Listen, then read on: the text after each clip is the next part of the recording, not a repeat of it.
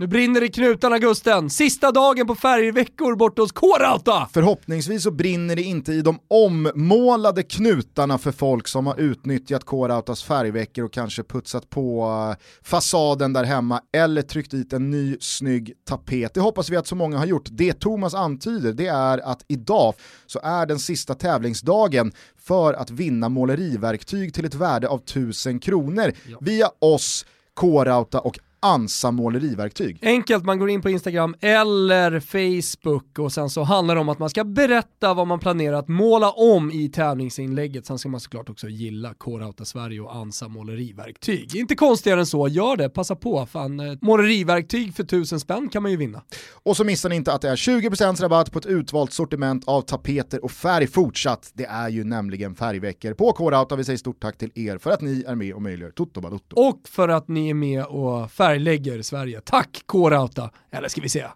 Kitos. Kitos.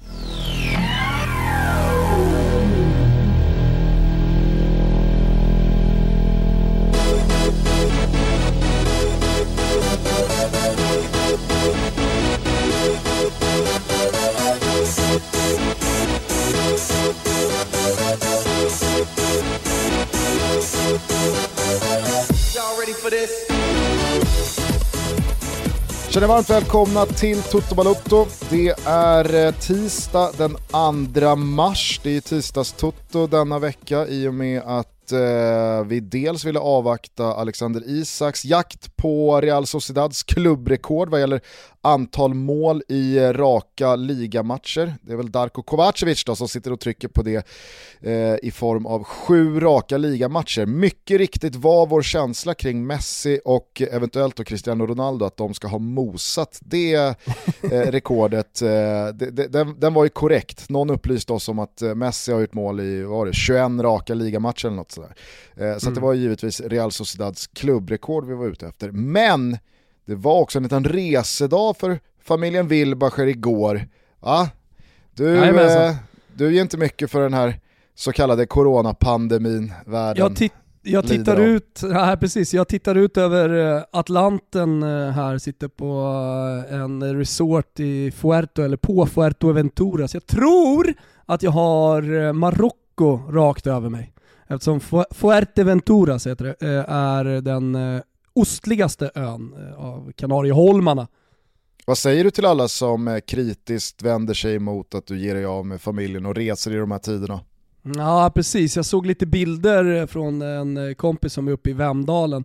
Det kan man ju också vara kritisk till, men om man ska åka till Spanien generellt sett då så gör man PCR-test 48 timmar innan eh, och PCR-test upp i näsan, ner i svalg och kolla så att eh, man inte har corona. Vilket betyder då att eh, ingen som sätter sig på flygplanet har corona när det testet görs 48 timmar innan man sätter sig på planet.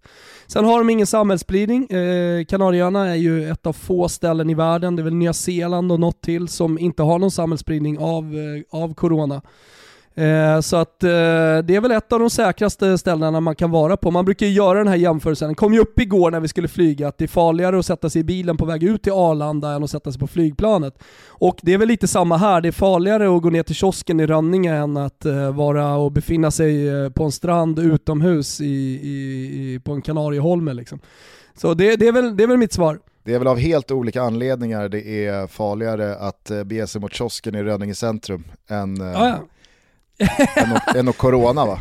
Ja, jo, jo, absolut. Du kan ju bli skjuten eller vad fan som helst. Eh, så, så är det du, eh, jag har ju annars en kompis som, eh, han, han håller ju igång väldigt mycket av sitt normala liv och väljer att rättfärdiga det gentemot framförallt sig själv då misstänker jag, men också gentemot andra som är skeptiska till vad han gör ute och ränner hela tiden. Han kör ju att han driver BNP, viktigare än någonting annat. Har du namn på den här eller vill du hålla hemligt? jag kan, jag Häng ut skona, den jäveln! Jag kan skona honom från att hänga ut hans namn här i, ja. i Sveriges största sportpodd, men jag, jag, tycker ändå att det finns någonting, om man har landat i liksom det är förklaringen, ja, men jag driver BNP, mm. då, då, vill man, då vill man väldigt gärna fortsätta med sitt normala ja, men, liv Ja, en reflektion annars är ju att det inte är människa på Arlanda, helt död flygplats och sen eh, är det ju stenhårda restriktioner i eh, Spanien och eh, således också på Kanarieöarna. Så det är ju mask på. Man har ju fått lära sig det här med mask, det är inte riktigt min grej men mask på hela flygresan och mask på överallt, även utomhus här. Men det skiter man ju i när man är, när man är vid sin bostad och vid sin pool. Ja, men eh, skönt för er då att ni får ha lite sportlov i värmen. Du kanske vill höra ett svep eftersom du har pysslat med PCR-tester och tränat småtjejer hela helgen lång. Eh, gärna Gusten, kör.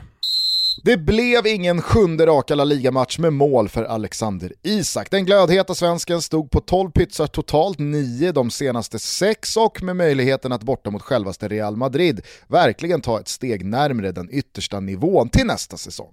Men La Cruta var inte Torro.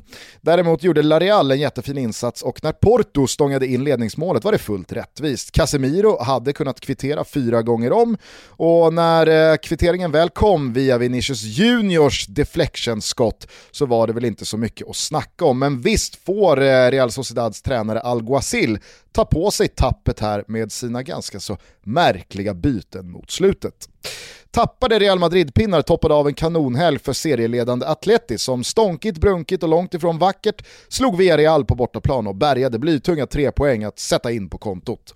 Barca hakade definitivt av Sevilla från titelstriden med övertygande 2-0 på Ramon Sanchez Pizjuan och Lionel Messi satte kniven i skytteligan en gång för alla. Vi tar oss till eh, England där Chelsea och Manchester United återigen spelade 0-0 i en ganska dålig fotbollsmatch. Känslorna efteråt handlade om Uniteds uteblivna straff, men som hans regeln numera lyder, tror du att eh, det du ser ska innebära en 11 meters spark så ska det inte vara straff. Och så tvärtom. Fnyser du åt vad ögonen tar in och bara skakar på huvudet så kommer konsekvensen med största sannolikhet att bli stralle och eventuellt även rött kort. En poäng vardera tajtade hur som helst till kampen om Champions League-platserna då Leicester åkte på en käftsmäll hemma mot ett roterat Arsenal. Liverpool slog Sheffield United och West Ham föll tappert borta mot Manchester City som tog sin 20 raka tävlingsseger bisarrt. Spurs och Gareth Bale byggde lite självförtroende mot klappkassa Burnley, West Brom tog mirakulöst alla poäng mot Potters helt otroligt ineffektiva Brighton och Everton hakade på i Europacupkampen genom 1-0 mot Southampton igår. Serieledarna från i höstas, ja, Southampton ledde faktiskt serien där ett tag i höstas, är nu, givet att Fulham fortsätter ånga på, lite halvt indragna i bottenstriden. Men så blir det ju när man vinner fotbollsmatcher lika ofta som Wilbur José letar extra priser. Som alltid så händer det grejer i Italien och Serie A. Bland annat tog Cagliari med nye tränaren Semplici tre livsnödvändiga poäng borta mot Crotone. Bologna slog Lazio för första gången på en evighet och Atalanta hade inga bekymmer att skaka av sig Real Madrid-förlusten borta mot Sampdoria. Juventus tappade överraskande ledning till poängförlust mot Hellas Verona och då Lukaku bara behövde en halv minut på sig för att göra mål mot Genoa känns nu den gamla damen och regerande mästaren bortkopplade från scudetto-striden. Milan är kanske den enda utmanaren, men hur realistiskt är det med tanke på befolkningsmängden i sjukstugan? Det låter experternas expert Wilbur José snart svara på. Segern mot Roma var i alla fall imponerande och var det något jag såg på Stadio Olympicos gräsmatta och lämnades med så var det ett lag som inte tänker ge sig utan strid och ett lag som lite för enkelt viker in den och viftar vit flagg när det börjar blåsa snålt.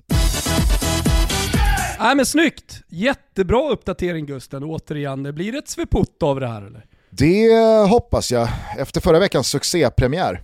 Mm, ja, men exakt, ni hittar ju numera svepet som en egen liten eh, podd, eller vad vi ska kalla det. Det är ju ingen podd. Men om man bara vill uppdatera sig på eh, vad som har hänt i helgen, eh, det kanske är så att man vill lyssna in båda och liksom få svepet ytterligare en gång, ja men då, då, då finns det där. Slipper man hålla på och spola och så vidare. Vi, eh, vi finns där för att underlätta poddlyssningen för alla våra lyssnare där ute.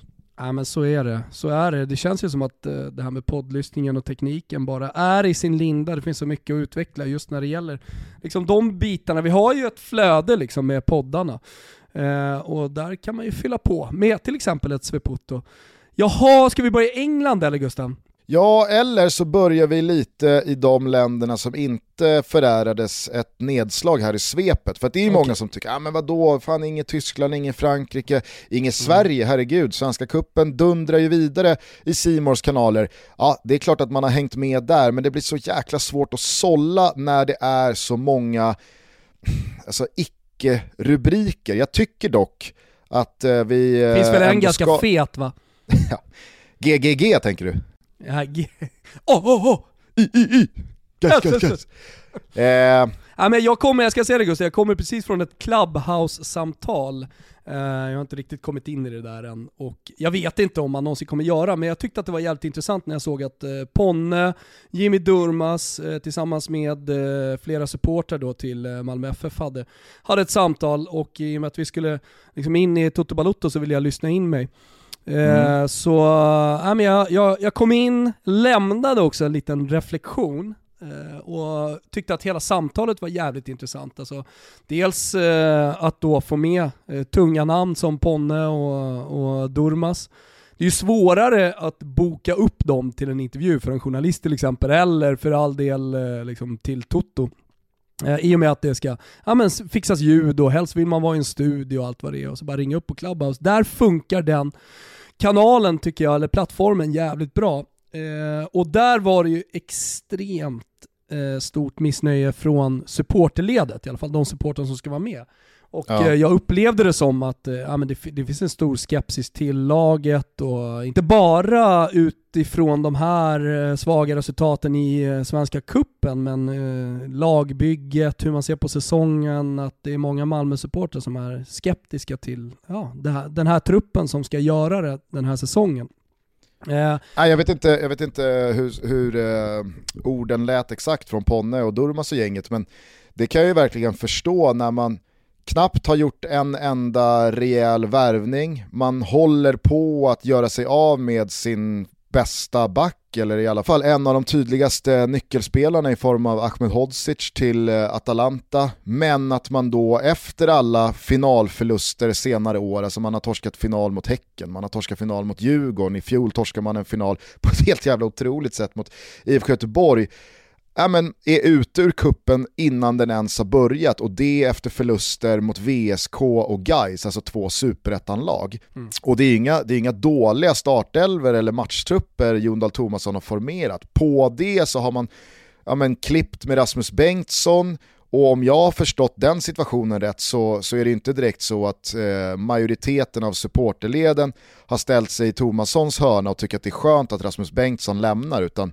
det, det, det verkar vara ganska infekterat det där. Eh, mm. Och alltså givet allt detta, kliva in i den här säsongen, ja, ja det, det känns väl inte som att eh, Jonald Tomasson eh, har spegelblanka hav att eh, sjösätta MFF-skutan på när det nu är mars. Jag eh, förstår absolut det. Min reflektion på det samtalet var att eh, Svenska Kuppen så som det är utformat, man spelar i, i februari, är ju att jämföra, om man kollar internationellt som framförallt eh, är, är, är, min fotboll då, är ju att jämföra med Audi Cup och, och de här uh, träningsturneringarna. Om man kollar var, var spelarna bör befinna sig formmässigt. Sen är det ju samma för alla och man skulle kunna säga att eh, ja men vadå, Bayern är ju också där och eh, IFK Norrköping är också i försäsong. Eh, men jag tror för, att, eh, för, för, en klubb som Malmö som ska spela Champions League som blir jävligt viktigt, eh, kanske man har en annan periodisering, jag vet inte, jag är för dåligt insatt, men det var i alla fall en reflektion jag gjorde, att man behöver inte se så bra ut för att eh, man ska ha förhoppningar eller dra för stora växlar eh, på säsongen som trots allt fortfarande stundar. Å andra sidan så har väl de haft eh, de senaste åren haft det emot sig då från andra hållet när man ska vara i fysiskt toppslag mot Chelsea när Europa League väl vänder, när man ska vara i fysiskt toppslag mot eh, Wolfsburg när väl Europa League drar igång.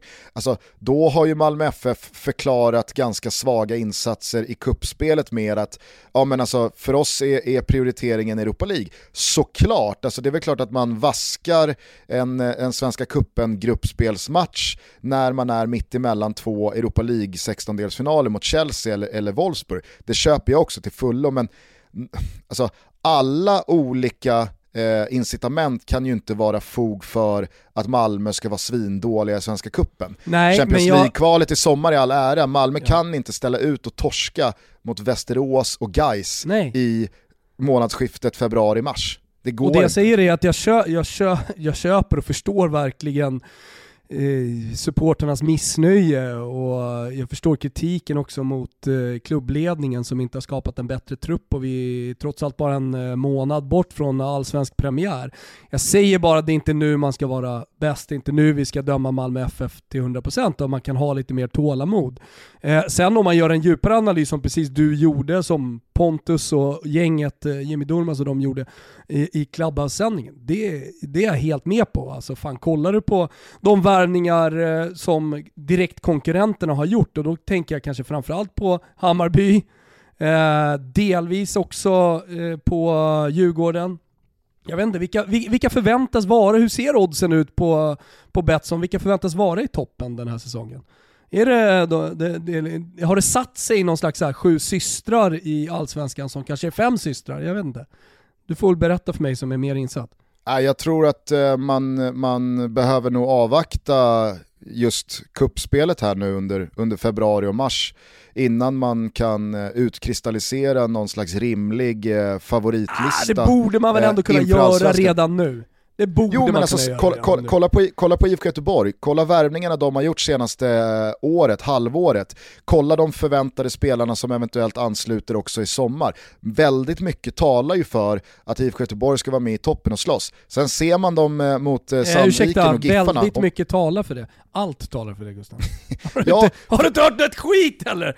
Fan. Förutom de Rensa två vakten. små detaljerna som är matcherna man har spelat här nu mot Sandviken och GIF Sundsvall. Alltså, det, det, det är inte så att jag har ställt mig upp i soffan, applåderat och sjungit ut Blåvitts lovsång för att det ser så jävla bra ut, utan stundtals ser det ju liksom, det, det ser riktigt dåligt ut. Vadå, Poseidon är inte på väg att skina eller? Den är väl alltid på väg att skina snart, eh, men eh, snart är ju ett eh, relativt tidsbegrepp.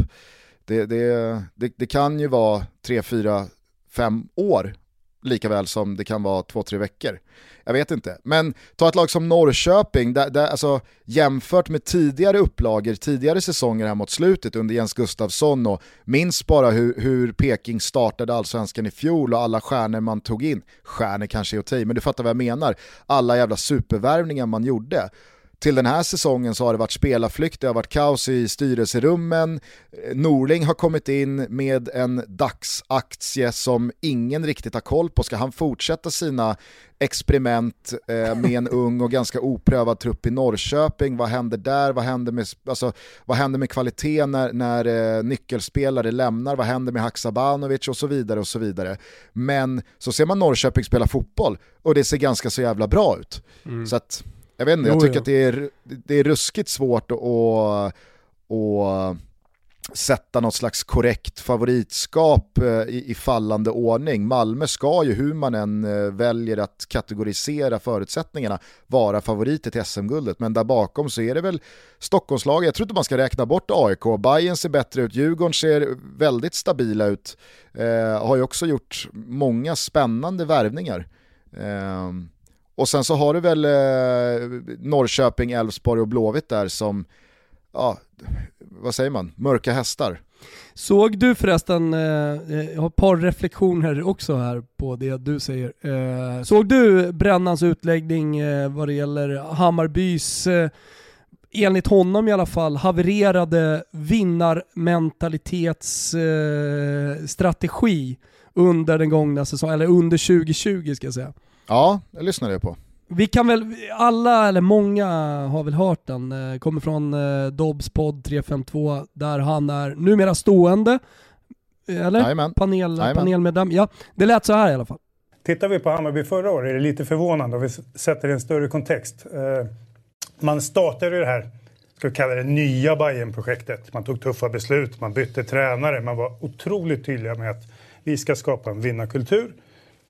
I det lilla så är det på planen, alltså vi ska ha ett eget spel, vi ska sällan anpassa oss efter motståndare utan vi ska ha en otrolig tro på att vi är så bra. Så att, eh, och fine, om man åkte till Juventus och man på något sätt skulle implementera det här och man pratar ganska högt om det. Eh, tittar vi på förra året så det börjar ju redan i april när liksom ledande spelare går ut i media och säger det är svårt att motivera sig för serien börjar sen. Det är inte så roligt att träna då. Det är, inte, det är dumt av flera orsaker. Det ena är ju att det är en pandemi.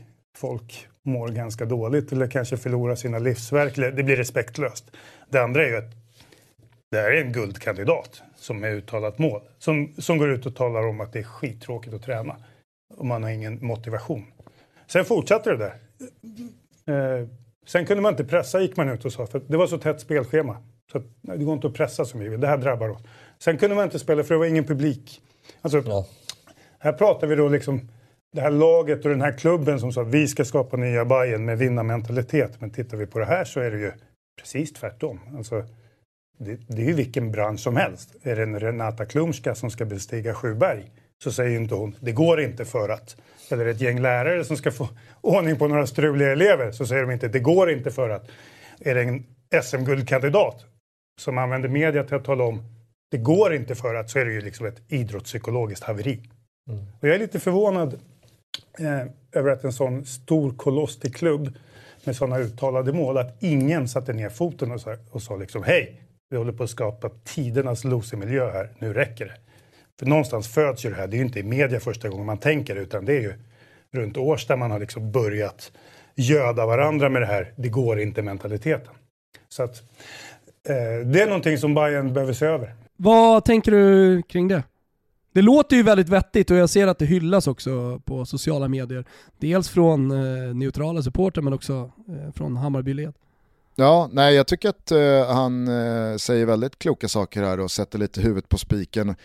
Eh, jag har själv inte varit aktiv vare sig som spelare eller ledare på, på den här elitnivån och kan inte liksom, Eh, ge min syn på hur sådana här saker etablerar sig och rotar sig i en grupp och i ett lag och i ett omklädningsrum och i en klubb. Men det låter ju jävligt vettigt att börjar man leta bortförklaringar och börjar man rättfärdiga sportsliga misslyckanden eller eh, dåliga resultatrader med att liksom, hitta förklaringar till det, då tror jag att det också är jävligt lätt att låta det bero och att det, att det fortsätter så.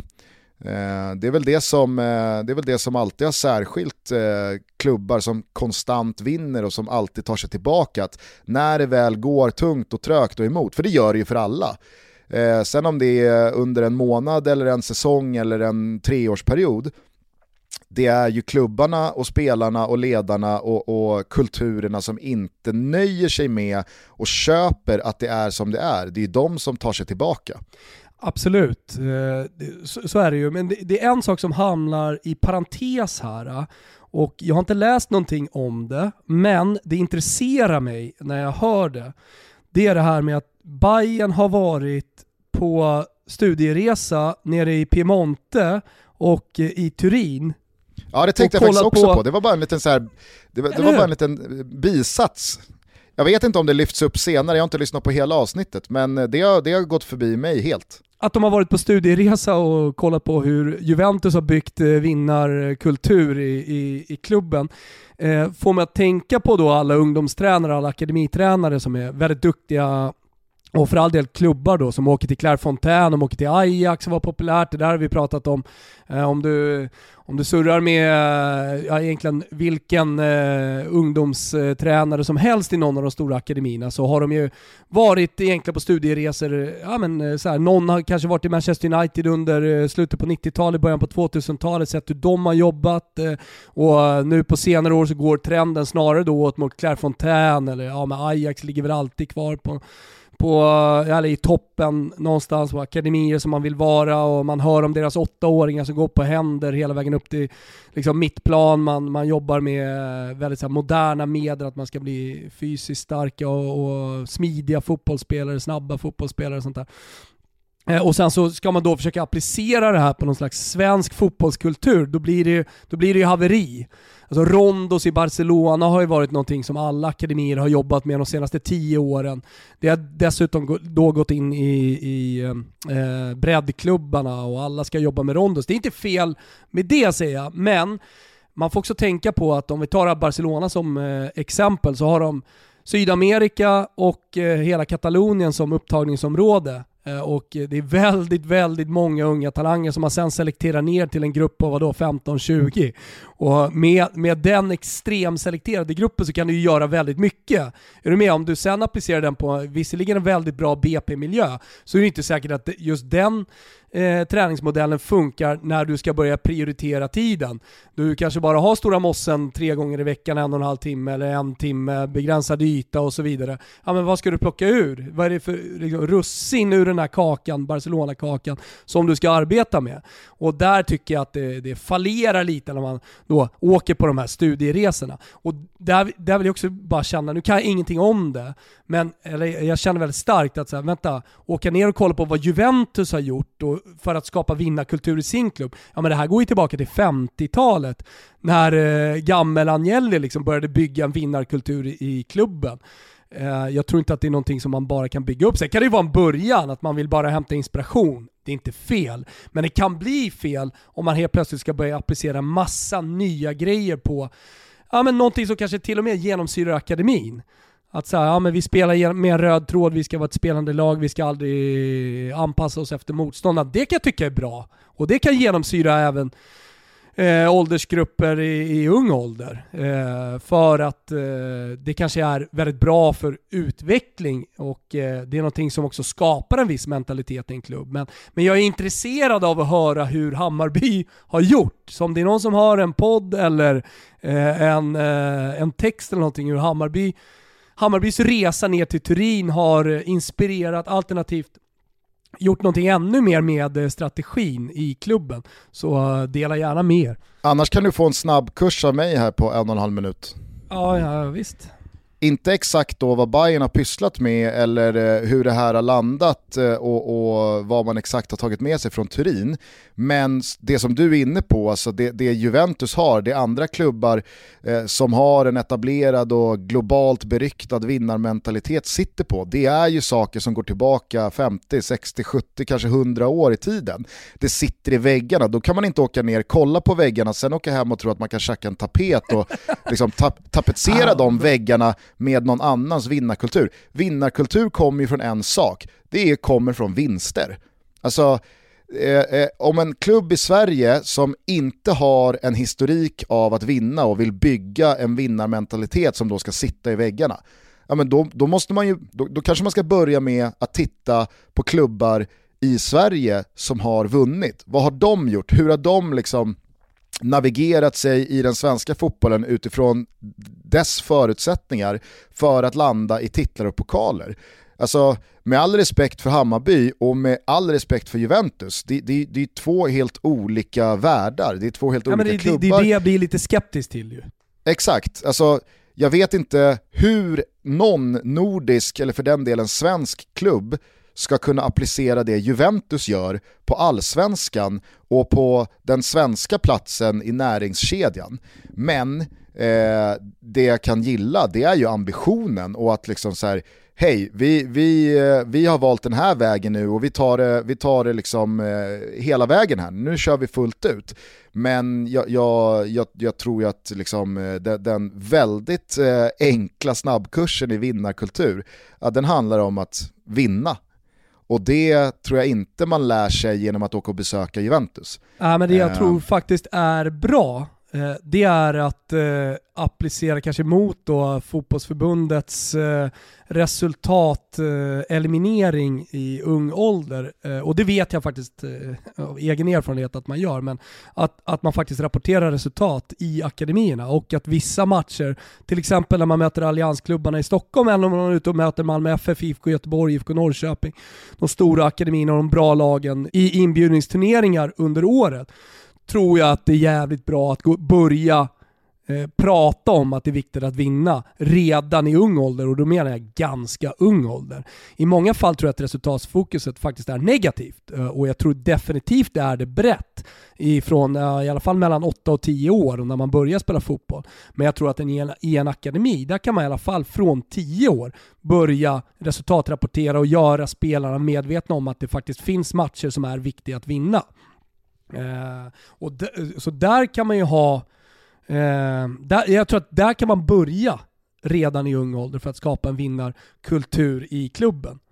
Sen så tror jag också att man kan gå en snabbkurs i vänsterfilen med att också sätta personer på tunga poster i en klubb eh, som har vunnit jävligt mycket och kanske ännu bättre om de har vunnit saker med just den klubben. Det är därför jag är lite extra spänd på Blåvitt från och med nu när man då har tillsatt Håkan Mild igen. Man har tillsatt eh, Roland Nilsson. Jag har tidigare vittnat om att jag kanske inte tror på Roland Nilsson som Eh, den, den mest moderna fotbollstränaren och den eh, huvudtränare som tar Blåvitts eh, fotbollsspelande in i framtiden och leder svensk utveckling.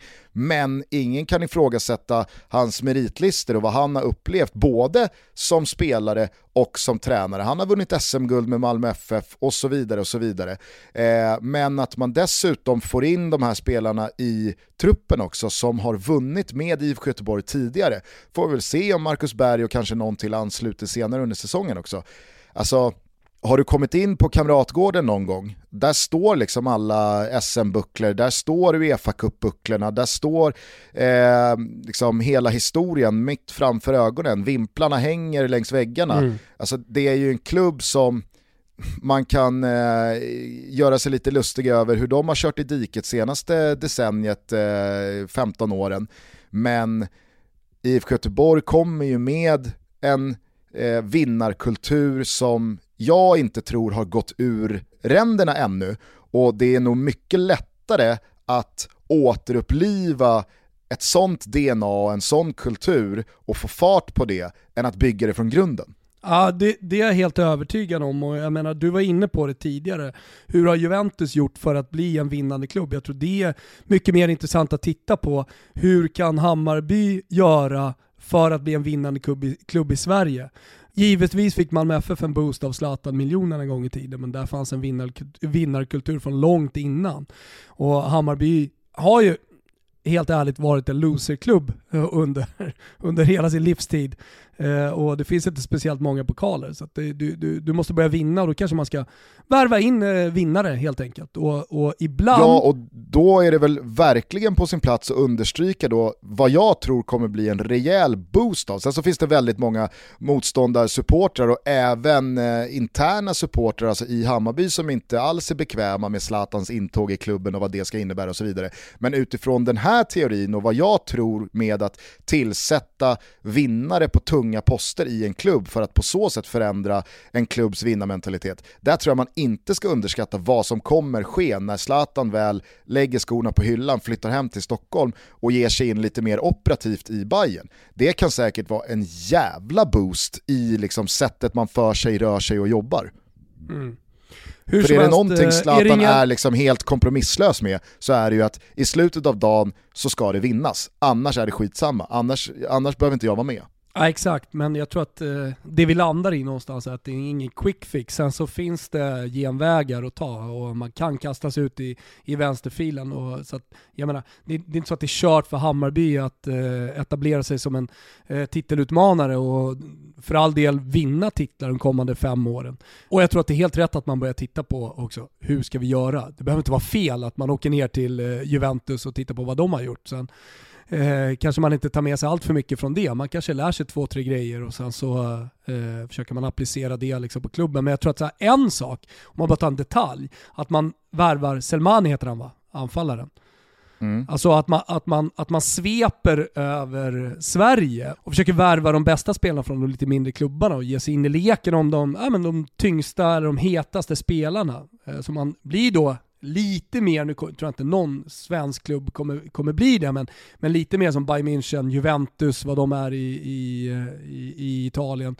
Eh, och, och ta de tunga namnen, i alla fall de tunga namnen eh, rent intressemässigt om man kollar på eh, eh direktkonkurrenter om titeln. Alltså det, det, det, är också en väg att gå tänker jag. Absolut, sen kommer det alltid vara skillnad på om man drar paralleller då till Italien och Juventus och, och deras konkurrenter. Alltså att ta Sandro Tonali från Brescia är ju en sak. Men det är ju inte att likställa med när Bayern München tar eh, Lewandowski eller någon annan från värsta konkurrenten Dortmund. Nej och dit alltså, kommer vi aldrig komma, ingen klubb kommer nej. vara det. Det skulle ju vara Absolut, Malmö, men det, det, det är det uppenbart menar, så alltså, att det inte kommer bli det. Selmani var det huggsexa om, men han kommer också från Varberg. Alltså, det är inte så att Bayern eh, strippar en eh, titelkonkurrent på deras bästa spelare, utan man tar eh, en, en fantastisk allsvensk spelare från en ganska ofarlig klubb och så vinner man den huggsexan eh, och, och, det är ju jättebra men ja, du, du fattar vilket symbolvärde jag är ute efter inte sker. Eh, det, det, och, och, jag menar, där är ju inte ens Malmö. Eh, Malmö kan ju ta ett par tunga spelare eh, från eh, de, de, mindre klubbarna eh, i Sverige, men du ser ju inte Malmö värva från Stockholmsklubbarna eller från eh, Blåvitt eller från eh, Norrköping. Alltså... Nej men sen har vi eh, ett annat läge i svensk fotboll också där det kanske är ännu mer intressant att värva eh, en viss typ av hemvändare och att vara, vara tidigt på bollen där och då finns det olika strategier. Och vad jag märker bland de allsvenska klubbarna är ju att huvudstrategin är att ha jävligt god relation med den spelaren som man faktiskt släpper. Så att om man behöver till exempel då mellanlanda, eh, det kanske inte blir en utlandssejour som man hade förväntat sig, eh, det kanske kan bli ett utlån eh, tillbaka då till svensk fotboll för att hitta eh, formen eller ja, men för att hitta eh, rätt miljö för att utvecklas igen. Ja, men då, då har man så, så pass tajt och nära relation. Jag hörde Jimmy Durmaz till exempel i det här eh, Clubhouse-samtalet säga att Hammarby absolut inte var eh, en, eh, en klubb som var intresserad av att komma hem till utan det finns bara Malmö FF för honom. Om han eh, kommer tillbaka och avslutar karriären, då, då är det i Malmö. Och då pratar vi med Jimmy Durmaz som, eh, som bor söder om Stockholm. Han bor ju i Rönninge Gusten. eh, ska sägas. Ja. Vi ses på bistron lite då och då med Charbel Toma och Elias eh, och Isak och gänget. Men, Samtidigt eh, så finns det ju då Jiloan Ahmad-spelarna som kan komma hem efter bara några år utomlands eh, och välja Hammarby istället för Malmö FF som man lämnade som lagkapten och SM-guldvinnande spelare. Jo. Och i en sån våg så kan man hjälpa till då att eh, få spelare som Kaca Niklic och, och, och, så vidare att hamna i Hammarby. Så det, det, det, går ju. Eh, ja, jag menar, bara, jag menar bara att det finns ju en, en, strategi från de allsvenska klubbarna. AIK är bra på det också. Djurgården för all del, de kan också få tillbaka hemvändare som inte har lyckats eh, utomlands. Alltså, de, den strategin menar bara kanske är ännu viktigare än att svepa över Sverige och värva de bästa spelarna. Eh, det ena behöver inte utesluta det andra, det är jag helt med på, men jag menar att vi har, vi har en helt annan fotbollsverklighet eh, i Sverige jämfört med i Italien eller i Tyskland, så vi kommer aldrig, vi kommer aldrig hamna där med, med en klubb som bara sveper och tar de bästa spelarna även från direktkonkurrenter. Men, men... Eh, den, den, just den relationen är ju uppenbarligen en viktig strategi för de allsvenska klubbarna. Sen kommer det alltid finnas eh, spelare som man då kan, ska säga, kan sno liksom, lite grann från den klubben han, eh, han har lämnat. Eh, det behöver inte i liksom 100% av fallen vara så att man, man, eh, man får tillbaka spelaren, men, men jag, tror att, jag tror att det är viktigt i alla fall för klubbarna att ha den relationen. Vi har ju ett case nu med Milosevic. Som mm. ryktas hamna i, i Malmö FF i och med det du sa att eh, Ahmed Hodzic kanske är på väg till Atalanta i sommar. Eh, man har situationen där med, med Rasmus Bengtsson. Eh, man, behöver en, eh, man behöver en mittback. Om man kollar rent fotbollsmässigt så är, är ju Alex, eh, ja men vore ju ett supernyförvärv för, för Malmö. Men så finns då problematiken med hans AIK-hjärta och eh, AIK då som verkar, ja, men verkar tjocka på mittbacksposition, eller på mittbackspositionen. Och eh, jag förstår AIK då med en eh, begränsad budget kanske inte har möjligheten. eller inte ens viljan om man bara kollar rent sportsligt. Och där blir också, det är också problemet, kan jag tycka, som klubbarna har. Att de kan inte, om man jämför med internationella bjässar i sina, sina länder, jag menar ta Italien där, där det värvas friskt mellan eh, de randiga stora klubbarna i norr och för all del nu även med, mellan söderlagen. Du kan, du kan ha spelat Inter men ändå landa i Juventus. Alltså det är betydligt svårare i Sverige att göra den typen av värvningar. Edvardsen med en IFK Göteborg eh, supporterkoppling. Ja, det, det, visade, det visade sig omöjligt för honom att hamna i AIK. Eller mm. hur? Ja, vad ja, händer nu med, med Milosevic? Kan han landa i Malmö eller kan han inte göra det? Ska AIK återigen då hamna i en situation när man hamnar i polemik med sina, mina supportrar, med sina supportrar eh, direkt efter Edvardsen? För att så tycker jag ändå tongångarna går. Att vadå, erbjuder vi inte honom ett kontrakt? Och att det landar på klubbledningen och uh, Jurelius. Nej precis, och det är inte första gången Milosevic sitter i den här situationen gentemot AIK. Eh, sen så kan man ju inte liksom, jag, jag, jag kan verkligen förstå AIKs eh, förhållningssätt i just den här frågan med tanke på att de sitter på en existerande trupp. Det är tajta tider ekonomiskt eh, och Milosevic eh, är en spelare som sett till hur truppen ser ut just nu ja, kanske faktiskt inte behövs. Å andra sidan så är det väl klart att AIK också bryr sig om att, äh, men vad fan, ska vi verkligen, eh, ska vi verkligen vara delaktiga i att eh, Alex bränner sin sin status eh, och sitt legacy här i AIK genom att eh, vara delaktig i att han eh, måste gå till en konkurrerande klubb. För jag menar, Alexander Milosevic, han kan ju inte, han kan inte, han kan inte, inte spela fotboll, han kan ju inte sluta spela fotboll för att han är låst till att bara kunna spela i AIK. Han har ju redan hamnat i, eh, det var väl Vejle eller någon annan så här halvdassig dansk klubb bara för att liksom ånga på ett halvår, en säsong och hålla sig fit for fight. Men det, var, det kändes ju bara som konstgjord andning eh, tills ett mer permanent och, och, och mer eh, långsiktigt alternativ skulle visa sig. Förmodligen i form av AIK, men han sitter ju fortfarande fast i den där limbon. Så att, nej, jag vet inte fan, det känns som att Alexander Milosevic Where's that dust coming from? Still finding debris after vacuuming? Eufy X10 Pro Omni Robot Vacuum has 8,000 PA of powerful suction to remove debris deep in carpets. And it's totally hands free. Want to know more? Go to eufy.com. That's EUFY.com and discover X10 Pro Omni, the best in class all in one robot vacuum for only $799. Inte själv vill spela i Malmö FF.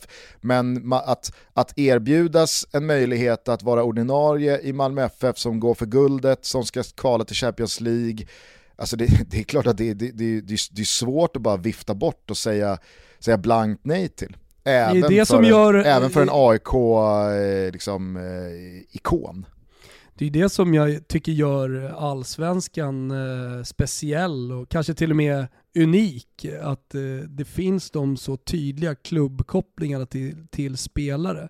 Vilket omöjliggör vissa typer av värvningar och att det fortfarande lever kvar i allsvenskan. De har dött i, i många klubbar. Fan, man kollar på de eh, engelska toppmötena och jag menar det här har vi varit inne på tidigare också. Det är tjoas och tjimmas efter slutsignal trots torsk och man garvar och klappar om varandra och, och det finns liksom, verkar inte finnas någon stolthet kvar överhuvudtaget. Nu tror jag att det påverkas, låt säga negativt, men att det blir mer så när det inte finns supporter på läktarna. Eh, men det är ändå smärt, det måste ju fan vara smärtsamt att se som, som eh, supporter till eh, ja, vilken jävla klubb som helst egentligen när, när, när, när det ska kramas om och garvas och, och bytas skosnören efter, efter matcherna va? Ja, å andra sidan så bryter ju spelare som Simon Tern de här normerna. Eh, jo, men fast han har ju ingen klubb, han har ju fan ingen koppling, han är från Värnamo. Nej, han har inte den starka det... kopplingen, tycker jag. Nej, och det är klart att det är skillnad. Jag menar bara att så här, det finns ju Simon Tern-exempel, det finns ju ganska många exempel på spelare med just AIK-koppling och AIK-fostran och AIK-historik som har gått till Djurgården och gått hela vägen till att blivit eh, lagkaptener eh, och omfamnats av Djurgårdssupportrar och det har heller inte varit så farligt från AIK-led. Alltså, man har ju kommit en bit sen eh, Jesper Jansson på mitten av 90-talet. Eh, utan, alltså, för, förstår du vad jag menar? Att, ja, ja. Eh, visst, det finns fortfarande men, några Gustav, få på spelare. på den tiden, om jag får avbryta dig, på den tiden så var det liksom 10 lax i ett kuvert. Fick du inte det från ja, klubben, eh, men fan ta Anders Limpar när det var betydligt mer pengar i, i de där kuverten. Fick du inte det av klubben du ville gå till, de var helt ointresserade som i AIK Limpar-fallet, och du vill fortfarande spela fotboll och du vill bo i Stockholm då eh, till exempel. då, det, det, jag förstår ju att det lockar. Ja, ja, och sen i just fallet med Limpan, där, där satt ju han eh, hos oss eh, i fjol. Eh, kanske inte gick in på det i detalj, men vad fan. Anders Limpars ganska så eh, infekterade exit från AIK, den var han inte förtjänt av eh, när man förstod alla omständigheter eh, till fullo. Och det har ju även eh, de, de tungt insatta eh, fraktionerna från AIK också förstått så här i efterhand. Men, har jag men vet vad? uppfattat. Ja, ja. Men, men vet du vad? Det är fortfarande det som gör Allsvenskan unik. Alltså, nu rättfärdigar jag ingenting, men, men jag tycker att det är bra att det här fortfarande lever kvar, även om det finns Mange Eriksson eh, exempel och andra exempel också eh, på eh, liksom att man har fötts eh, som supporter till en klubb och dessutom liksom fostrats i en klubb. Och, eh, kanske till och med i vissa fall spelat eh, seniorlagsfotboll eh, i en klubb men eh, sen då kommer hem och, och, väljer en annan. Det kommer, och de kommer alltid, de exempel kommer alltid finnas, men det lever ju kvar betydligt tyngre i allsvenskan än vad det gör i toppklubbarna ute i Europa, vilket gör då allsvenskan mycket mer charmig och mycket mer unik. Ja, och således kanske just Alexander Milosevic är eh, en oerhört intressant pusselbit att eh, ja. följa här nu kommande dagar, eh, just i form av en eventuellt då normbrytande Eh, del i att även allsvenskan håller på att ta de sista föränderliga stegen till den moderna eh, globala fotbollscirkusindustrin. För jag håller med, Milosevic är eh, en, en spelare som tillhör det lilla gardet av eh, svenska allsvenska spelare som inte kan eller kommer eller vill eller tänker gå till konkurrerande, rivaliserande klubbar för att det, det rör upp för mycket.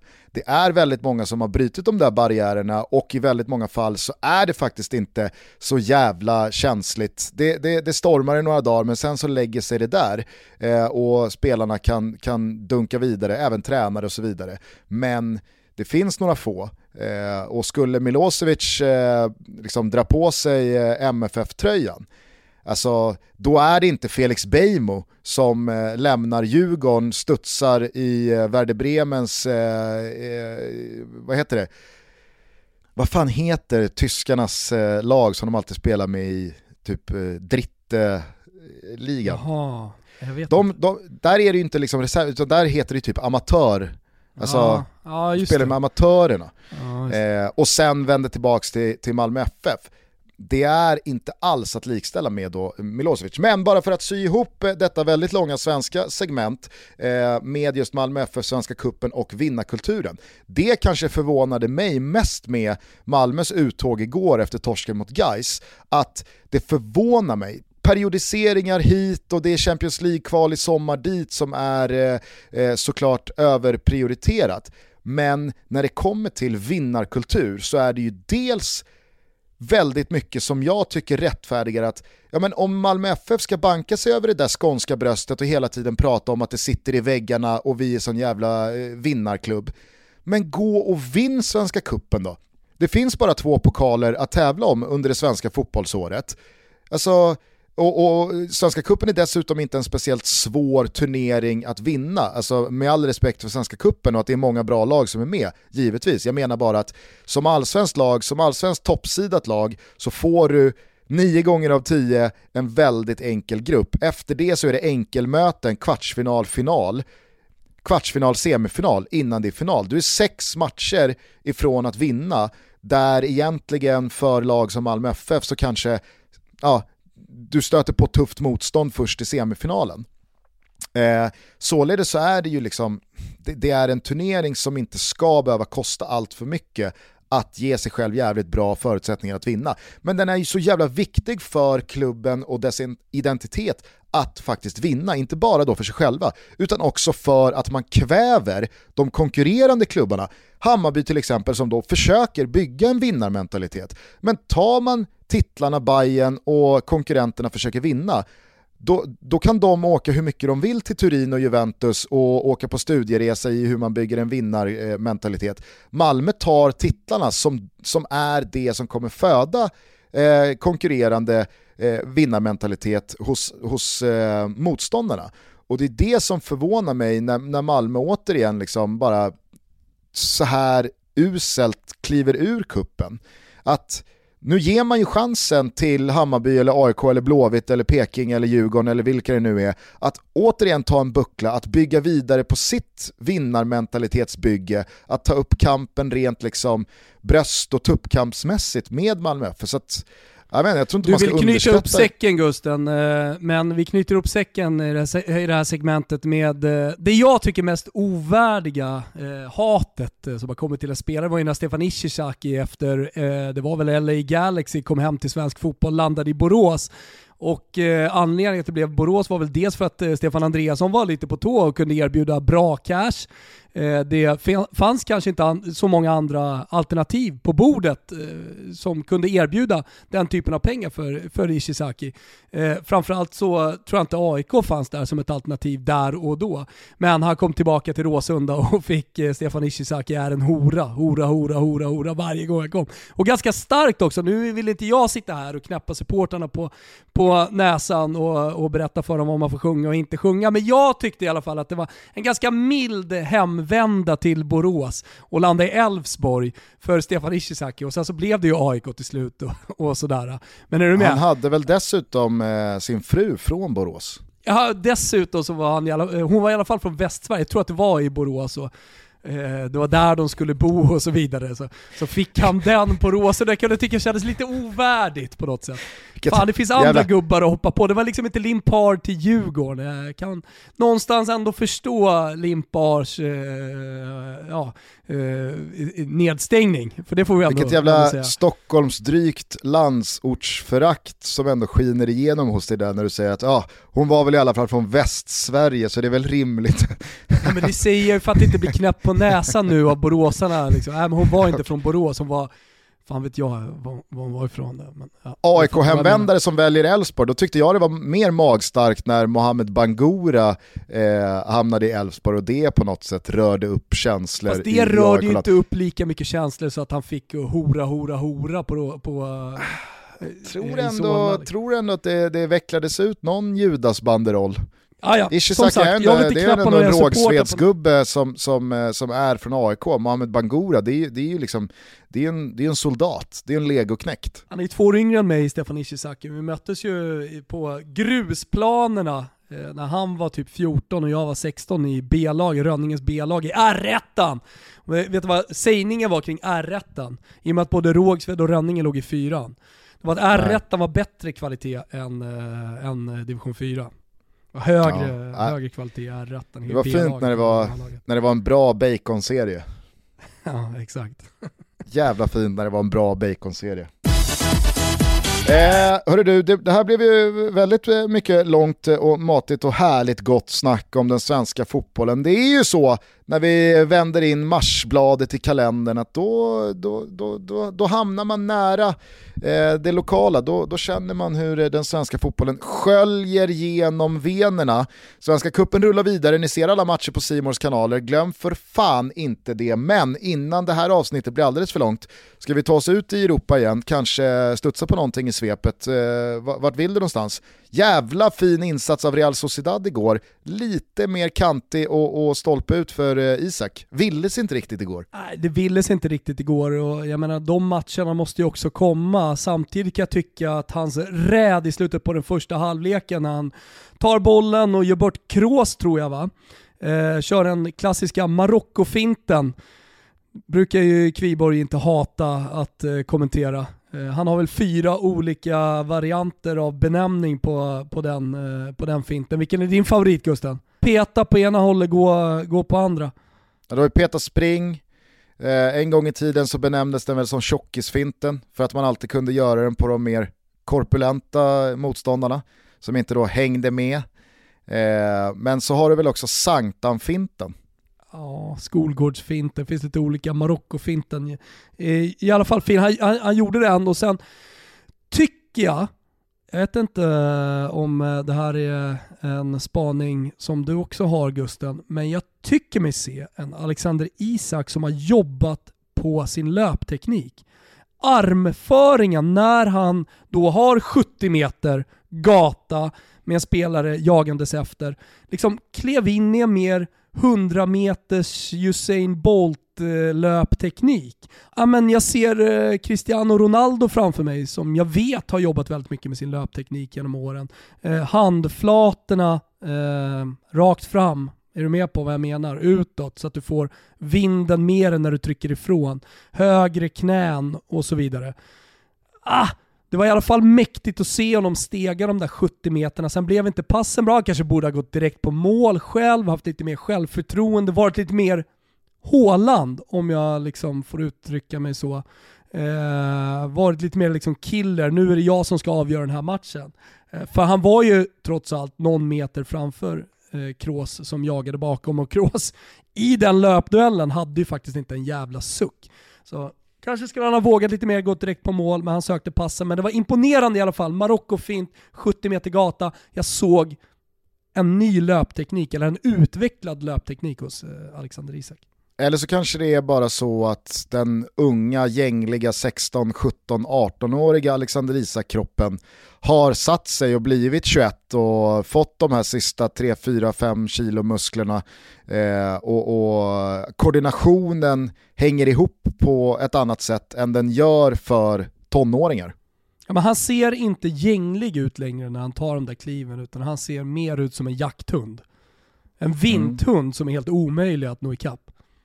Ja, nej, absolut. Men eh, sen så, jag vet inte, det, det, var ändå någonting i just det här att han inte fick ordning på bollen i vissa skarpa lägen, att eh, det var dåliga toucher, att han kanske höll i ett avslut eh, eh där han eh, borde tagit det. Å andra sidan så vill han ju slå frisparken och slår frisparken och den, eh, den hade nog eh, kunnat bli riktigt eh, farlig om den inte hade strukit något, något murhuvud där i slutet av den första halvleken. Så att självförtroendet finns ju onekligen där, men jag tyckte det ändå var lite ja, men kanske stundens allvar som ändå präglade insatsen. Eh, för att han också kände på sig att det här är inte eh, match 3, 4 eller 5 i den här streaken hemma mot Alaves eller borta mot eh, Eibar. Utan nu är det Real Madrid borta, jag har gjort mål i sex raka matcher. Det är väldigt många mer som kollar på mig i den här matchen mot det här motståndet än vad man har gjort tidigare. Nu har jag chansen att på riktigt ja, men, eh, sätta ner foten och, och, slå fast en jävla spik i min aktie är att eh, jag, jag, jag är snart klar med Real Sociedad. Det är bara att hosta upp halvmiljarden så, så ses vi nästa eh, Sesse. Jo men vet du vad? Eh, de pengarna kommer att ligga på bordet eh, alldeles oavsett hur prestationen igår såg ut. Jag tycker absolut inte som vissa ville få det till eh, att det här var någon slags eldprov för Alexander Isak. Han har redan klarat av flera eldprov. Han kommer vara bra, stor och viktig och avgörande i stora matcher som kommer framöver. Påminner, och jag tillåter mig själv att påminna om att han bara är 21 år. Jag mm. tillåter mig själv att göra det Gusten. Och det är inte Alexander Isakrunk, för det kan jag säga om Svanberg, om Kulusevski eller vilken svensk spelare som är 20-20 plus uh, ute i Europa som helst. Alltså det, det, det behöver inte vara en hålande utveckling på varenda jävla spelare. Jag kan säga det om Ödegård, uh, om, uh, om egentligen vilken spelare som helst. Alltså, det kan fan inte vara topprestationer i varenda match. Det kan det inte vara. Nej. Eh, pannbenseger i alla fall för eh, Atletico Madrid som studsar tillbaks efter eh, den helt usla eh, februariavslutningen med, med Chelsea-förlusten som krona på verket. Nu har de lite poäng till godo igen med en match mindre spelad i och med att Real tappade två.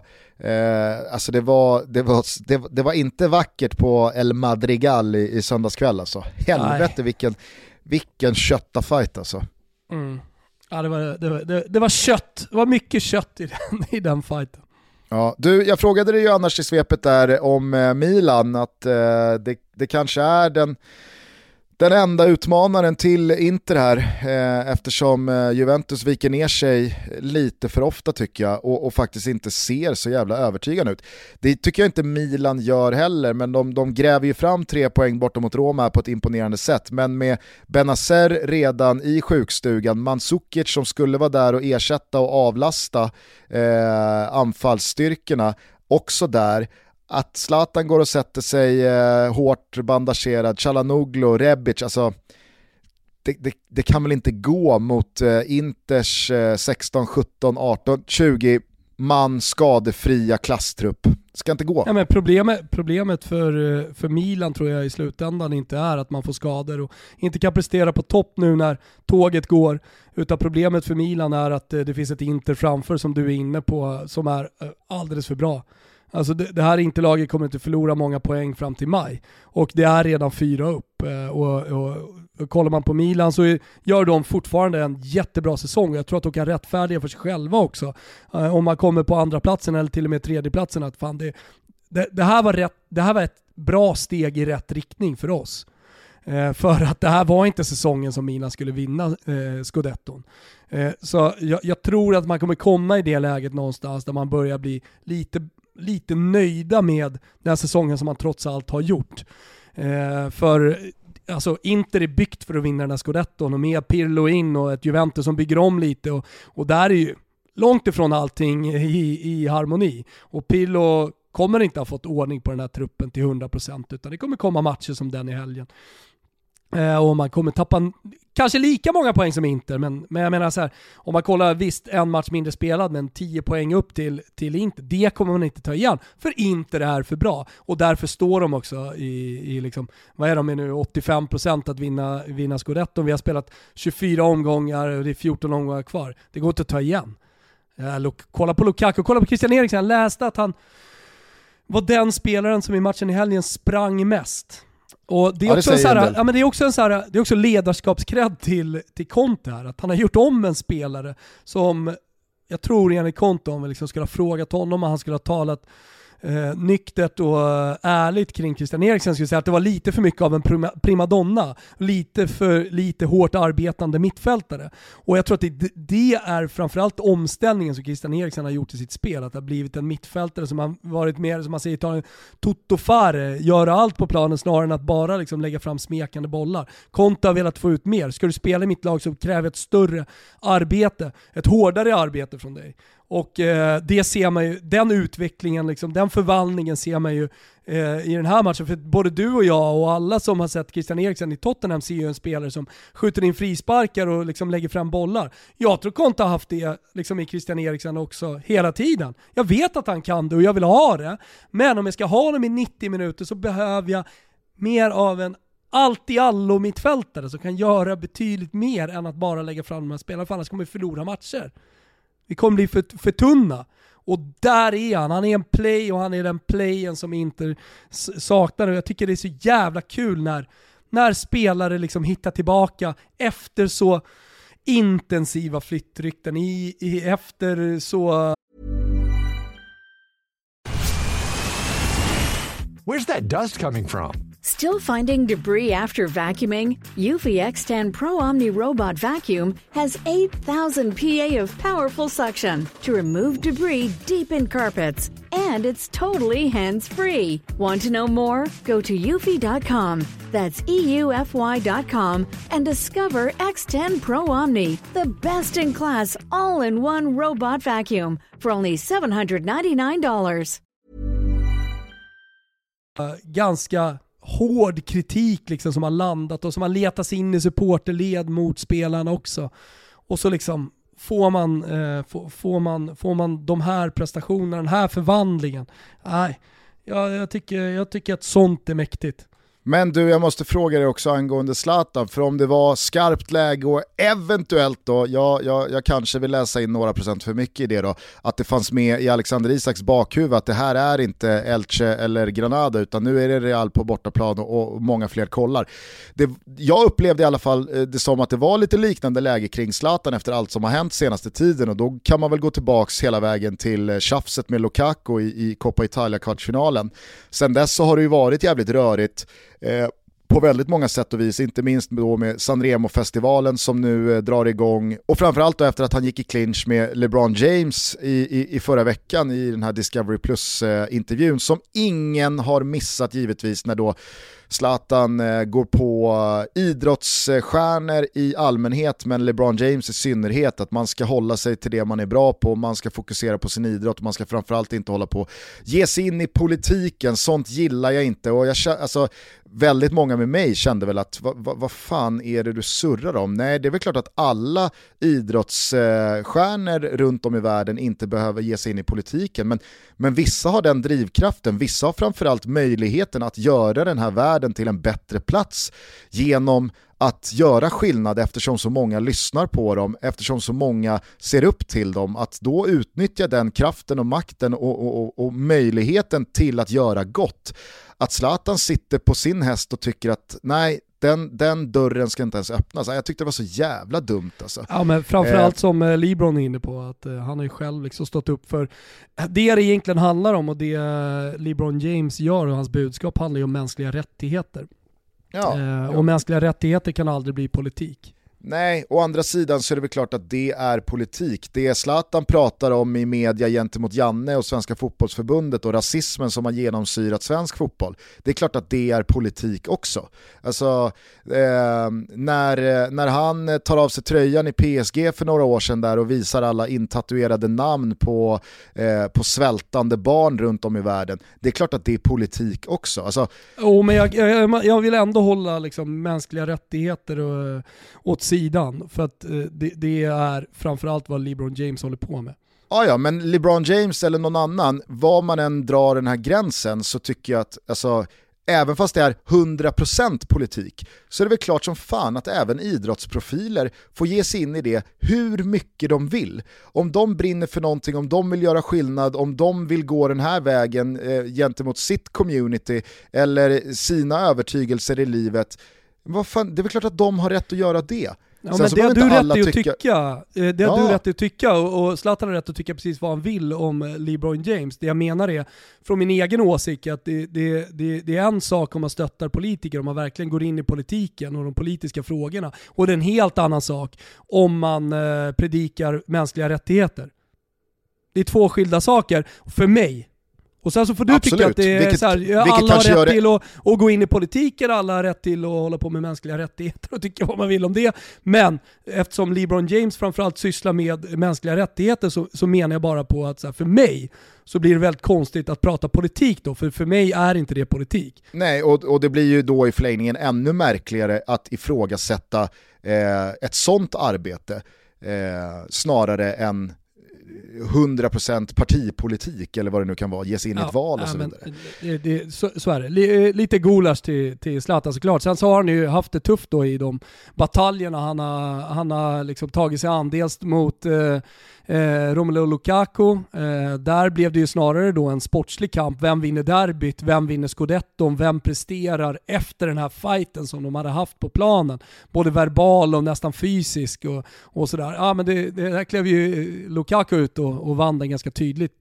Eh, och sen då i den här verbala matchen mot LeBron James så, så torskade Zlatan också. Så att det, det, är två förluster och så dessutom då så ja, missar han ett par lägen, han går ut med, med, med ljumsken och sen så ska han till San Remo.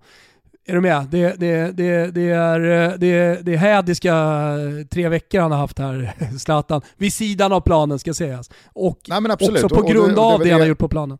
Och det var det jag skulle landa Jag ville bara kort säga då att eh, jag, jag, jag skickade ut eh, på, på Twitter där i mitten på förra veckan när det här kom, de här citaten, att det här, men det här, det här kan vara det sämsta Zlatan har sagt. Och det var ju väldigt många som eh, var på min eh, linje där och, och höll med och hade sina takes på det. Men förvånande faktiskt väldigt många som tyckte det Zlatan sa var helt rätt och att alltså, inte, inte nog kunde understryka att fotboll och politik inte hör ihop överhuvudtaget. Och då, då är det så här, ja, är så långt ifrån den eh, verkligheten och, och den världsåsynen att, att idrott och politik inte hör ihop. För mig har det varit liksom, det har varit sån jävla eh, tydlig koppling, alltid.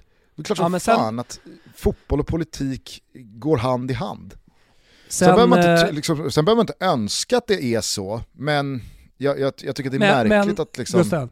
Sen, sen, är, sen, verkar ju alla tro då, ljumske emot, men att uh, Zlatan uh, i San Remo tappar fokus, uh, kommer stå för liksom, svaga sportsliga prestationer, kanske inte har varit i, i toppslag i, i ligan de senaste matcherna. Det är då man vet. Om man har varit med lite och följt Zlatan eh, sen han liksom stapplade ut i Malmö FF-tröja eh, som seniorspelare eh, och tog hela Sverige med storm och sen också världen. Att det är i exakt de här tillfällena som Zlatan höjer sig. Det är exakt de här tillfällena som Zlatan slår emot och gör mega prestationer på planen. Och gör en jävla kanonduett med Mihailovic.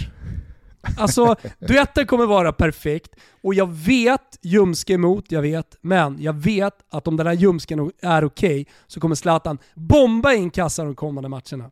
Io Vagabondo såg jag att uh, han och Mihailovic skulle sjunga, av Inomadi. Ja, då får vi eh, kanske vi ska avsluta den. avsnittet med, jag har aldrig hört den låten, men det, det ska, bli, ska, bli, spännande att uh, lyssna till. Nej, men alltså, så här, jag hör vad du säger och jag tycker inte att det är konstigt att man efter uh, över 20 år med Zlatan landar i en sån konklusion. Å andra sidan så tycker jag verkligen att det har varit märkligt att se Zlatan ha en sån tydlig serverad eh, situation framför sig där han ska tysta alla tvivlare och visa att jag kan talk the talk men även walk the walk och alla som ska hålla på och gidra, kolla, kolla, kolla på mig nu. Alltså, det är ju i de här matcherna på senare tid som han ska ha klivit fram för att upprätthålla just Zlatan är Zlatan och det är alltid när han är liksom inmålad i ett hörn och, och pressad och ifrågasatt, det är då han gräver fram de stora prestationerna. Alltså, det var läge för honom att stå för en stor prestation redan mot Spezia. Då var han och Milan helt genomusla. Derbyt ska vi inte tala om. Visst, han har ett par lägen där Handanovic eh, förnekar honom en kvittering i, i inledningen av andra halvlek. Men överlag så är det ett Inter och en Lukaku som vinner på knock. Zlatan blir utbytt med en kvart kvar. Och sen med tanke på allt som händer här kring LeBron-situationen, åka till, eh, åka till Stadio Olimpico och den här matchen mot Roma och göra det så dåligt som Zlatan faktiskt gör det under den första halvleken i situationer och lägen där han annars är säkerheten själv och är så klinisk. Alltså den där offsiden han ställer sig i på passningen av Rebic, Äh, det, det, det, är, det, det är häpnadsväckande dåligt och svagt av Zlatan att inte hålla sig onside i ett sånt läge efter så många år på den yttersta nivån. När han kan spela Chalanoglu men väljer att klacka, han missar ett par eh, riktigt bra lägen från nära håll, Eh, när, när sen straffen kommer, visst, det, det, kan man väl säga är en jävla mognad och att han som 39-åring inte kanske eh, bryr sig om eh, ifall det är han eller någon annan som gör Milans mål, bara målet gör sig. Och om nu han har en, en, en sämre trend från straffpunkten och Kessie har det inte, att han får lägga straffen. Men jag tycker ändå att det var märkligt att Zlatan, som du är inne på, alltid kliver fram när det är den här situationen och, och den här stunden och ska visa alla att eh, han är fortfarande eh, herre på täppan att han inte går fram och tar den där straffen. Alltså jag, jag vet inte hur många gånger Zlatan inte kan kliva fram och stå för stora prestationer innan man börjar liksom, ja kanske landa i att han inte alltid gör stora prestationer när de behövs som bäst. Jag tycker Zlatan har varit lite offside-slarvig generellt sett de senaste par, tre åren. Ja, jag vet inte. Ja, alltså, men han har jag... varit lite slö. Det är det. Han har varit lite slö. Han har tänkt, äh vad fan, jag är väl onside. Det är inte första gången jag ser honom eh, slarva bort eh, ett läge genom att vara slö, för det är ju bara slöhet. Ja, jag vet inte fan alltså, det, det, det, är inte många gånger man jag känner börja, att kanske, vad, kanske är Zlatan. Ibrahimovic tagen av stundens allvar. Men det var så jag upplevde honom under den här timmen mot Roma. Han är fan tagen av stundens allvar alltså. Det är Sanremo festivalkritik här och det är eh, en, en fight han eh, håller på att förlora mot LeBron James där och han har redan eh, åkt på en jävla prestigesnyting av Lukaku och du vet, nej, tagen av stundens allvar. Kanske är det så att uh, Zlatan börjar se lite dåligt. Han är trots allt 39. Kommer ju mycket synfel kring 40-strecket, många som skaffar glasögon. Ah! Eh, hörru du, vi börjar bli långa, vi ska avsluta. Ska vi avsluta med vad Schalke 04 har på gång? vad, berätta. Nej, men du kanske såg att de i helgen eh, fick den i eh, Bayern mot eh, Stuttgart med 5-1. Åh fan. Varför jag inte Det var droppen. Nu skickar man då huvudtränaren eh, Christian Gross. Eh, man eh, nöjer sig dock inte där utan man, man låter ledarna Rainer Widmeier, Sascha Riter och Werner Leuthard också gå. precis, som sport, precis som sportchefen Jochen Schneider. Han ska man bort skickar, alltså. Man skickar Jochen ska en, bort. Man skickar en kvintett, däribland huvudtränaren. Nu så behöver man alltså plocka in en femte tränare för Oj. säsongen eh, och det blir Peter Knäbel. Eh, den gamla, den gamla klassiska interimlösningen i Bundesliga. Ja. Men vad ska de göra? Alltså han, han, vad, ska han, hur känner han när han kommer i och med att de är, de är väl snart matematiskt eh, klara för Zweite va? Du, jag ska tala om för dig att eh, på 23 spelade omgångar, av 69 möjliga poäng så har Schalke skakat ihop 9. Eh, de har lika många, alltså 9 poäng upp till eh, säker mark och det är väl absolut ingenting som talar för att eh, Schalke löser det här. Så att jag tror nog till slut att det Schalke har haft på gång det får vi nu eh, lägga en blöt filt över och konstatera att eh, vi välkomnar dem ner till eh, Zweite till nästa säsong. För nu har ju Hauerswaus eh, eh, förfall börjat här. Det var ju blytung derbytorsk mot St. Pauli igår. Det, det noterade du va? Oh ja. Die Rotenhosen kommer fastna i Zweite, Schalke på G ner. Det är Zweite det händer. Du, vad är han heter, nya gubben sa du, tränaren? Nya tränaren i Schalke? Ja. Peter Knäbel. Peter, Peter Knäbel, löser han eh, Schalke kvar i Bundesliga, då är det fan, det är fan århundradets jävla great escape. Vi hade ju Nicola ah. i Italien som ja. gjorde en great, great escape eh, för, för några år sedan. Och vilket, alltså så här, gör en sån great escape, då, då, då har du ju jobb de tio kommande åren. Då kommer mm. du alltid vara intressant som en interimlösning under säsong. Eh, å andra sidan så sätter du en stämpel på dig själv att du kanske är just bara en interimtränare. Det finns ju många, framförallt i Italien, där den här typen av övning är väldigt vanlig. Eh, men men eh, alltså fem, fem tränare under samma säsong, det är det du säger till mig alltså? Peter Knäbel blir femte ja. Det, det måste ju vara någon slags rekord i Bundesliga. Ja, Bundesliga luktar det ju rekord. Eh, jag tänker europeiskt så har väl Samparini alltid någonting att sätta emot i de där historierekordböckerna ja, ja, eh, nere på liksom Sicilien. Även om de är, alltså är fem nya tränare, det är ingen som har kommit tillbaka. Nej, eh, jag kan läsa till här från Fotbollskanalens eh, artikel. Schalke 04 behöver därmed nu plocka in en femte huvudtränare den här säsongen. Grås, som tog över laget den 27 december, är nämligen inte ensam om att ha ansvar för klubben den här säsongen. Det har även Hub Stevens, fina Hub Stevens, eh, precis som Manuel Baum och David Wagner. Så att, eh, Ja, jag, jag, jag, jag sticker ut hakan och säger att det här är eh, rekordantal tränare under en säsong i och med att man eh, i Italien, dit vi måste gå för att hitta någonting liknande, förmodligen, eh, liksom tar tillbaka tränare i och med att man, kan, man, man vill helt enkelt, man är snåla som, som presidenter. I, i Vet i du vilka klubbarna. som skulle kunna vara emot här? Nej, vad har du? Ja, men det är ju Die Rotenhausen här för några år sedan. Just det, när, de, de, när de gjorde allt för att hålla liv i klockan fan, på Tyskarna som är så, eh, alltid har eh, organisationen. Då var det väl Hub liksom Stevens och, då var, då var det väl Hub Stevens då också och Labadia kom in och fan om inte Peter Knäbel dök upp där också. ja, det kan ha varit... Eh, Vad hände med sportchefen i Howes Fau? Ja, eh, den avvaktande. Den avvaktade, så han gjorde absolut ingenting. Han bara, han, han avvaktade. Avvaktade sig genom, han bid, genom förfallet. Han bidade sin tid. Är det inte läge att agera inte, kritisera, inte Det kan man inte kritisera Schalkes eh, sportchef eh, att, att vara avvaktande. Han har i alla fall agerat. Ja, men, eh, alltså, man misstänker då, i och med att sportchefen då, Jochen Schneider, också fick lämna klubben, han kanske sparkar sig själv. Ja. Han tog det yttersta ansvaret jag skickar ju... fyra ledare och mig själv här nu. Jo men här finns det klubbledning som kanske borde skicka sig själva, så man kan inte bara stanna i hierarkin hos eh, sportchefen. Alltså de som, har gjort de, de som har tagit de här besluten, satt den sportchefen liksom på, på alltså, sin plats. Det är de som är ytterst ansvariga för det här jävla förfallet som Schalke ändå står för.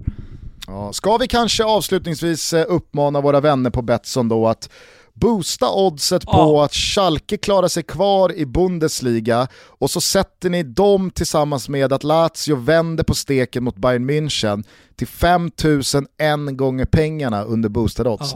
Ja. Eh, nu nu lär det väl inte sluta så, där, där, där kalkylerar väl Betsson eh, risken som för stor. Men det är på den nivån. Ni kan ja. riskfritt sätta 5001 gånger pengarna ja. på att Lazio slår ut Bayern och att Schalke löser nytt kontrakt i Bundesliga. Våga! Exakt. Eh, om det inte blir något boostat odds på det så återkommer vi i nästa avsnitt med en ny trippel till helgen. Eh, vi ger oss inte där, det har varit upp och ner på Toto-trippelfronten eh, under 2021, men eh, vi är, eh, det är svarta siffror, det är plus. Att, Ja, det är eh, vi, plus ska ta, vi, ska, vi ska ta nya segrar här till, till helgomgångarna. Ja, otroligt klarsynt också i Champions League just. Ja, verkligen. Verkligen. Men eh, det är ingen CL i veckan här nu så att, eh, vi, Nej. får, eh, vi får fortsätta eh, gnugga i ligaspelet till helgen. Svenska cupen ser ni som sagt på Simors kanaler. Det är eh, Fotbollssöndag Europa tidigare än vanligt eh, på söndag eftersom det är Madrid-derby mellan Atletico och Real. Och sen så ser ni givetvis eh, alla svenska framfarter i Serie A här under veckan. Sanremo-festivalen däremot Thomas, vart ser Mm. man nu den? Ja, du får ju helt enkelt ratta in italiensk tv så att eh, ja, jag kan inte hjälpa våra svenska lyssnare här. Om Men, det inte är eh, så att någon jävel är smart här och köper eh, rättigheterna till Sanremo-festivalen. Jag förstår inte hur man inte kan vara på tå som rättighetsköpare. Ja men helt ärligt, alltså jag är helt övertygad om att sätt den, sätt den, eh, sätt den vassaste svenska översättaren på att live-översätta. För jag menar, de finns ju. Det har vi sett eh, när Tancredi gör succé i Al Jazeera och pratar live eh, till eh, de arabisktalande lyssnarna och tittarna. Att det går ju. Så att jag menar, sätt, sätt en eh, riktigt vass översättare, köp in Sanremo-festivalen och som en bonus får man ju då njuta av italiensk eh, mellomusik. Alltså fan, det kan ju bli, det kan bli, det kan bli magi. Jag kan sätta mig i den studion. Vi kan väl i alla fall försöka bistå de som vill se klippen på Zlatan och Mihailovic med att eh, följer man eh, oss på sociala medier så kan man få lite gottiga nuggets. Ja, men lyssna på det här. Thomas Wilbacher som PL, Kristina Kappelin, Wegerup, eh, Malena eh, på DN. Eh, har du någon mer? Christian Borell ska in i den studion också. Och så Sanremo-festivalen. Vilket upplägg! Du eh, stänger av micken här nu, går in till Helena och säger eh, du får ta tjejerna hela veckan, jag sätter mig på ett plan här nu efter lunch och Jag ska till, jag ska till Ligurien. Jag ska till den italienska rivieran. Sätta jag ska, mig jag ska live-översätta Sanremo-festivalen. Ja, herregud. Fan, nej, jag tror på upplägget. Ja, eh, hörni, eh, vi hörs eh, om några dagar igen. Ta hand om varandra. Här kommer Rio Vagabondo med eh, Inomadi. Trodde man inte att man skulle Underbart. puffa för när man vaknade i morse. Vagabonden Wilbacher, han, eh, han, han blir i alla fall glad av att föra den här låten. Gusten, vi hörs eh, senare i veckan. Då ska jag ha badet i Atlanten och eh, kanske blir lite solkysst. Det kommer en bild på våra sociala medier, vem vet? Vackert. Vi hörs hörni, ta hand om varandra. Ciao tutti. Ciao tutti. Io un giorno crescerò e nel cielo della vita volerò. Ma un bimbo che ne sa, samba azzurra non può essere.